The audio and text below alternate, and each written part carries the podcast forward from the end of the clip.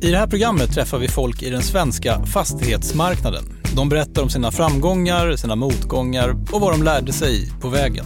Fastighetsprofilerna är ett samarbete mellan Ekonomipodden Kapitalet och Tessin, företaget som gör det möjligt att investera i fastighetsprojekt via crowdfunding. Jag heter Jakob Bursell. Hela tanken med branschstandard är att man ska känna igen sig när man kommer in på ett byggprojekt och förstå informationen och förstå nyckeltalen. Men framför allt att det ska finnas objektiva mätetal så att säkra och effektiva företag premieras vid valet av leverantörer. Vintern 2019 kan man knappt öppna en tidning, lyssna på radio eller se ett samhällsprogram på tv utan att man pratar om digitalisering. Men ändå så är det inte alltid så enkelt att förstå vad det innebär i praktiken. Alltså, det handlar om internet och data, det fattar alla, men vad blir den faktiska skillnaden för folk i vardagen? Nu för tiden så fullkomligen rasar in pengar det som näringslivet i gängse 2010-talsjargong kallar för proptech. Får man tillåta sig att använda ett jordligare uttryck så handlar det om teknikutveckling i fastighetssektorn.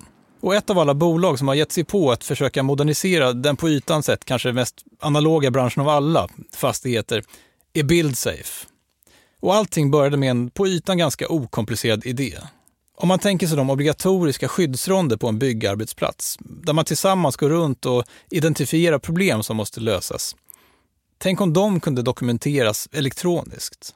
I den här intervjun berättar Viktor Broberg, VD och en av bolagets fem grundare, varifrån den här idén kom och hur de snart insåg att de var något mycket, mycket större på spåret.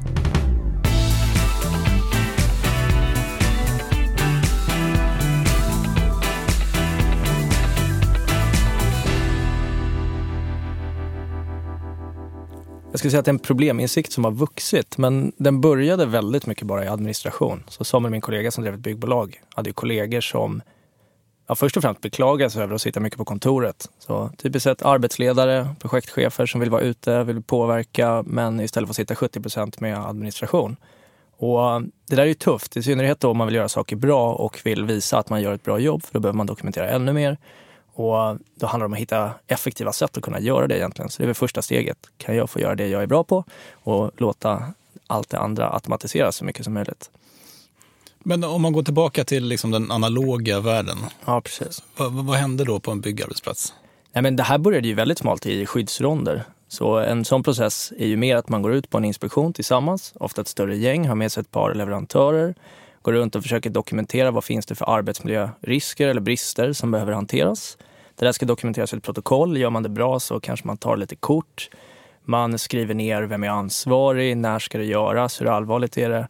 Och så skickar man ut ett protokoll till alla på arbetsplatsen och så anslår man det där på en anslagstavla.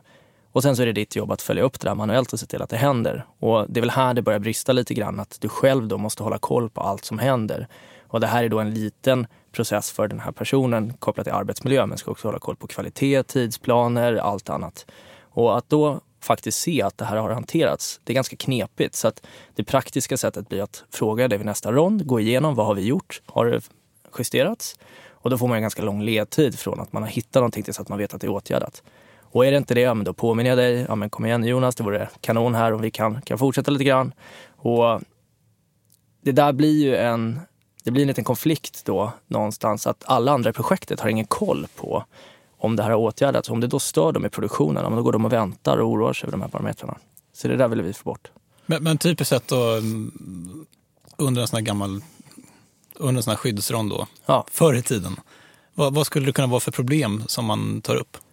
Man tänkte att folk lyssnar på det här som inte har en aning om hur byggbranschen funkar kanske. Ja, men praktiskt sett så, i och med att det här är ett tillfälle som ligger en gång per vecka eller varannan vecka när man faktiskt tar med sig ett par andra från byggprojektet och går runt, så blir det ganska mycket man hittar. Tanken från början är ju mer att vi ska kolla av att vi följer arbetsmiljölagar eller att vi hanterar, typ, har fallskydd, att vi hanterar miljö som vi borde, att vi använder rätt skyddsutrustning, att vi har spärrat av mot tredje man, alla sådana parametrar. Men i och med att man får med då hela det här teamet så blir det mycket fokus på, här kan vi inte göra vårt jobb för att det är saker i vägen, eller det här materialet har stått ut i regnet alldeles för länge. Egentligen allting som inte finns i den här praktiska planen eller tidsschemat, utan de störningsmomenten och hindren som dyker upp på vägen. Och det naturliga då är ju väldigt ofta att mer delegera de här ansvaren när man är ute och går. Och det vore bra om du kan fixa det här på en gång. Och i och med att det då är krångligt att dokumentera så försvinner det oftast. Man har inte koll på hur många sådana här moment som stör sig under byggprojekten. Så börjar man titta på det här i efterhand så, så underskattar man ofta hur mycket som faktiskt sker under tiden som suger energi och tid från, från platsledningen. Men den här typen av, av ronder som man gör, är, är det obligatoriskt på en byggarbetsplats?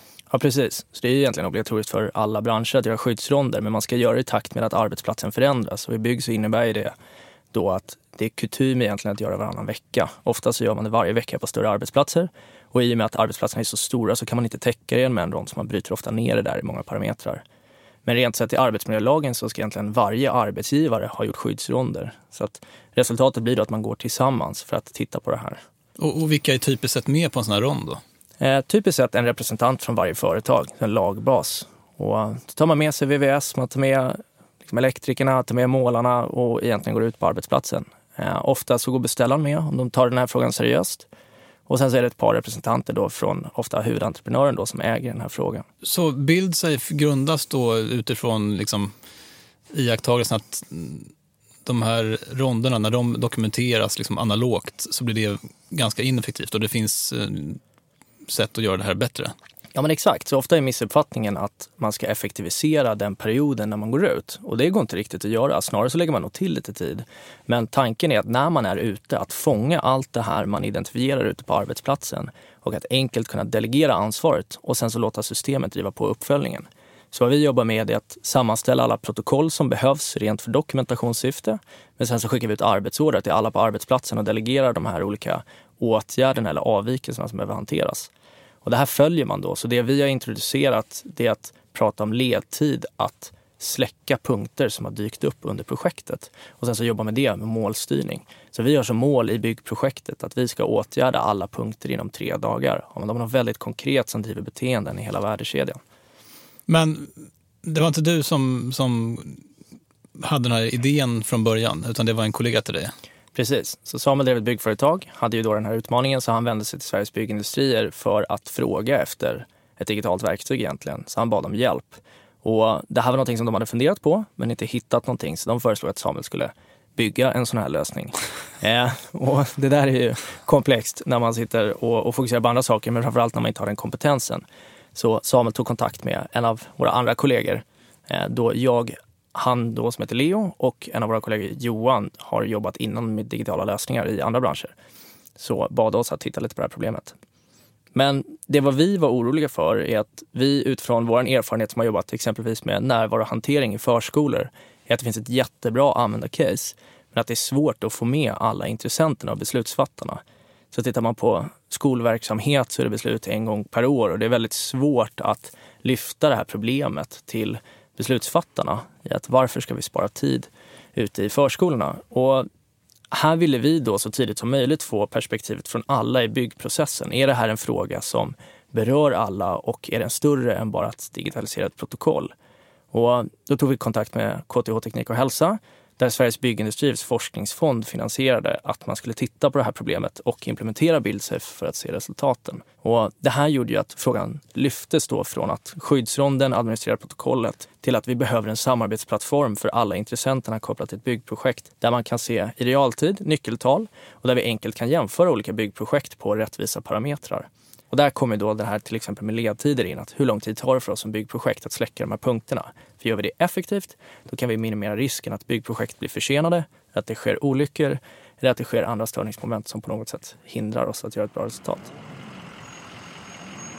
Plötsligt hade idén vuxit från att man i princip ville effektivisera skyddsronderna eh, till att man nu ville se om det fanns ett behov att knyta ihop alla aktörer på en byggarbetsplats i ett gemensamt ärendehanteringssystem. Det fanns bara ett litet problem. Bara en av dem hade någon egentlig kunskap om hur en byggarbetsplats fungerade. Viktor Broberg, han hade jobbat med affärsutveckling. De andra hade bakgrund inom PR, försäljning och digital produktutveckling. Så de gjorde det enda rimliga. De utgick från Samuels problem, alltså han som drev ett eget byggföretag. Men det i efterhand kanske stora genidraget det var att gå till KTH, där byggindustrins forskningsfond sköt till pengar för att BuildSafes idé skulle kunna få tröskas av representanter från byggindustrins alla skrån. I slutändan, berättar Viktor, hade de kunnat lägga ett helt år på research och produktutveckling innan de gick till marknaden med ett system som inte bara skulle digitalisera skyddsronder utan skapa en branschstandard för digitaliseringen av hela byggindustrin. Men du, hur, ehm, vad tänkte ni från början att ni skulle mm, ha för affärsmodell? Då? Ja, men från början så, typiskt sett, vi är ett software as a service-bolag. Det vill säga man ska betala för när man nyttjar det. Skapar det inte värde så ska man inte betala. Vi funderade mycket på vad innebär det i ett byggprojekt? Eh, och I synnerhet när det är ganska många bolag samtidigt. Det är lite unikt. Skulle vi sälja Dropbox till ditt företag så förstår du hur många anställda du har och det är ganska enkelt att förutspå om någon kommer, om någon lämnar.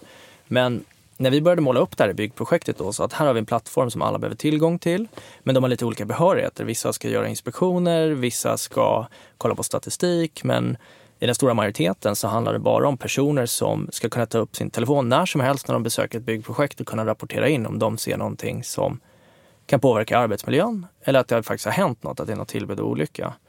Och det där gjorde att betala per användare skulle bli alldeles för stökigt. Så vi pratade mycket om det i den här studien och med våra kunder och konstaterade att vi behöver hitta ett sätt att ta betalt per byggprojekt. Det är användande för ett byggföretag.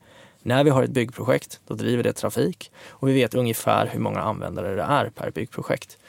Så vi debiterar istället på kontraktsumma och längd av projektet. Så det är en fast månadsavgift. Man vet från början hur mycket kommer det kosta och så kan vi då bjuda in så många som möjligt. Så det vi jobbar på på vår sida då, det är att bara säkerställa en bra onboarding och sen så att de hela tiden hittar nya användningsområden. Kan börja i skyddsronden, men sen, de kopplar, sen kopplar på alla andra olika inspektioner, att de använder den här löpande rapporteringen. Och sen så att de tar statistiken framför allt och börjar jobba på riktade insatser. Väldigt ofta har man byggt processer i byggbolag på att stödfunktioner måste komma ut på arbetsplatsen och hjälpa till. Man vet inte hur det ser ut innan man är på plats. Här blir det helt plötsligt ett sätt då att visa den datan och för stödfunktionen att mer göra riktade insatser. Så vi tar betalt i byggprojekten, inte centralt, men det gör att man centralt då får de här nyttorna. Vad fick ni för respons när ni gick ut och sökte finansiering till ert företag? Då? Förstod riskkapitalisterna den här idén och behovet av den? Nej, men vi, vi var ganska bra på att finansiera oss själva i början i och med att vi var fem stycken. Eh, kunde ju väldigt mycket göra liksom, på sidan om engagemang. Jag började först heltid, sen så kopplade Dennis på som jobbade med utvecklingen och sen så kom de andra mer när vi hade börjat få, få lite mer momentum i den här KTH-studien. Men när vi presenterade den första gången på papper, precis innan vi hade startat studien, då satt vi i en affärsplanstävling. Det satt 100 i juryn och en var från bygg. De andra 99 tyckte vi var totalt naiva så att vi kommer aldrig kunna göra någonting med en så smal process. Medan den sista där, då blev eld och lågor, skrev en krönika om oss dagen efter, vd för Svensk Byggtjänst som samlar många av de stora aktörerna och som sen ett halvår senare gick in som styrelseordförande och investerade i vårt bolag. Så att jag tror att det var många i början som var väldigt skeptiska, många som avvaktar bygg för att de ser att den är svår att komma igenom. Men när man sen börjar bevisa sig och faktiskt får de första byggprojekten, ja, men då blir resultatet helt annorlunda. Och tittar vi nu, liksom tre, fyra år senare, så är det här ett jätteområde. Investeringar inom Contech eller PropTech ökade ju med över 400 procent förra året. Det väntas växa ännu mer kommande tre, fyra åren. Så nu är det äntligen liksom inte bara de inom bygg och fastighet som ser möjligheterna, utan även utifrån att det här är en bransch som, som vi verkligen kan bidra till och, och ser möjligheter. Kan du berätta hur det gick till när ni fick första kunden? Vi jobbade först med ett par mindre byggbolag som var lite liknande Samuels företag då, när det handlar om att mer hur kan vi standardisera för mina fem projekt när jag åker runt till dem, hur får jag koll på läget? Men den första riktigt stora kunden var Urban Escape i Stockholm med ett antal entreprenader som skulle samarbeta kring byggandet av hotell, av centrum och kontor i hela det området. Så det var AMF då som hade ansvaret för alla de här fastigheterna och där man hade ett team som jobbade med att samordna alla byggprojekten och hålla koll på arbetsmiljön. Så där behövde man då ett system för att göra det här mer effektivt. Så istället för att de åker runt och översätter olika format i de här olika entreprenaderna så kunde man effektivisera hela datainsamlingen och att det här teamet då kunde analysera mer. Vad behöver vi fokusera? Vart behövs det insatser? Men hur hittade ni dem? Hur, hur sålde ni in där? Eh, det var faktiskt via en rekommendation från att vi har gjort KTH-studien. Så ett av eh, projekten vi gjorde i KTH-studien var grävlingen. Så det är Epicenter borta på Malmskillnadsgatan. Så där jobbar ett företag som heter Sengun. Och Sengun har vi jobbat med sen, sen vi började egentligen. Det är ett ungt bolag som tittar på hur de kan effektivisera sina processer redan från början, som vill jobba väldigt nära kunden, vill vara totalt transparenta i allt de gör för att bygga nära relationer. Och de hade då testat i den här grävlingen, så vi började prata med dem om att nyttja på andra byggprojekt i takt med att vi skulle lansera. Och då jobbade de just på Urban Escape. Så där fick vi en introduktion till de beställarna och även då de som stöttar beställarna, Tjuren Projektpartner, som drev mycket av det här arbetet. Så eh, jag tror att det är mycket så vi byggde vårt företag i början. Det var på rekommendationer och när vi väl kom till Urban Escape med bland annat Skanska och NCC och Ramirent så var det ett par stora spelare där målbilden var hur kan vi nu jobba tillsammans i samma format? Och det linjerar väldigt väl med vår vision som, eh, som SBUF, då, den här forskningsfonden, ställde krav på när vi gjorde studien. Och det var att bygga en branschstandard för byggprojekt oavsett vilken aktör eller storlek av projekt. Så det här var ju jättespännande för oss. Så vi gick in i det här projektet all in för att verkligen kunna lära oss om hur kan vi få alla att jobba olika fast de egentligen kanske har ganska olika agender från företagsperspektivet. Och eh, där jobbade vi fyra månader och sen så lanserade vi produkten rent kommersiellt live i början på 2016. Alltså det, det är byggts kåkar jag menar, i, överallt i, menar, mm. i alla år. Och rätt mycket även i modern tid. Alltså menar att det, man, det har inte funnits några liksom, bra verktyg för att koordinera entreprenörer exempelvis. Excel eller vad man, vad man gjort? Hur, hur har man gjort? Ja men exakt, man funderar ofta på sitt eget företags liksom, problempunkter och, och nyttor. Så det kanske har varit Excel för att samla statistik eller man har hittat något sätt att göra protokoll effektivt där man kan enkelt renskriva och, och, och sådana bitar. Men sällan det här samarbetet mellan olika aktörer. Och det här är utmaningen för alla digitala bolag egentligen som ger sig in i byggbranschen. Det är att man måste, måste tänka lite annorlunda. Man är beroende av det här samarbetet för att det ska fungera. Och, och framförallt att göra det transparent. Så det ändrar ju lite beteenden också. I att här vill vi visa för alla vad har vi för risker ute på arbetsplatsen och tillsammans hela tiden prata om dem och, och faktiskt kunna se vem som har gjort vad och när. Mycket innan har ju varit, precis som du är inne på, att man, man egentligen bara tittar på vad behöver vi för information och så hittar man lösningar för det istället för att fokusera på processen. Sen så är det också så att byggbranschen förändras ganska mycket nu. Ehm, Dels så växer den väldigt mycket om man tittar internationellt, men framförallt att det sker mycket specialisering. Så beställarna förväntar sig helt andra typer av byggnader. Det är andra krav på miljö, på drift, alla bitar som också förändrar hur man jobbar i byggprocessen. Det förändrar det faktum att man måste få in mer specialister. Och det här gör ju att hela den här kedjan av underentreprenörer och olika leverantörer blir mer och mer komplex. Så det krävs också nya samarbetsformer för att få igenom det där. Och jag tror att där måste man som beställare se sin möjlighet att oberoende kontraktsform, om man jobbar delentreprenader eller huvudentreprenader, så kan man ta ägarskap för vad är det för processer vi vill ha ute på arbetsplatsen och framförallt att samla data. Det här är en jätteförändring och jag tror att det är det som har varit för oss, inte bara en timing digitalisering men också i arbetsmiljö, att nu vill beställarna ta en större roll. Men 2016 så, så har ni liksom mm. en färdig produkt eh, som lanseras mm, skarpt eh, på marknaden. Mm. Vad, vad händer då? Ja, men då jobbar vi mycket med byggprojekt. Så i och med att affärsmodellen riktar sig dit. Vi tog kontakt både med byggbolag men också med beställare. Vi började jobba med Fabege, Castellum, Stockholms stad, ett antal olika aktörer, AMF, Vasakronan. Men sen så då jobba mer med byggbolagen och tillbaka då på projektnivå, mer för att förstå vad det är för information man behöver här? Vad är det för information man vill dela med hela projektet? Men det ledde ju till att vi då började starta dialogen med byggbolagen. Hur kan vi hjälpa er standardisera? Vad är det för information ni vill se på företagsnivå? När ni sätter en strategi, vad är det för nyckeltal ni kopplar till den strategin och är det nyckeltal som vi någonstans kan jobba med ute i byggprojekten? Så det där gjorde att 2017 började vi jobba mycket mer med företag. Eh, så istället för att man jobbar projekt för projekt, mer så att den här processen och den här informationen förväntar vi oss i alla projekt.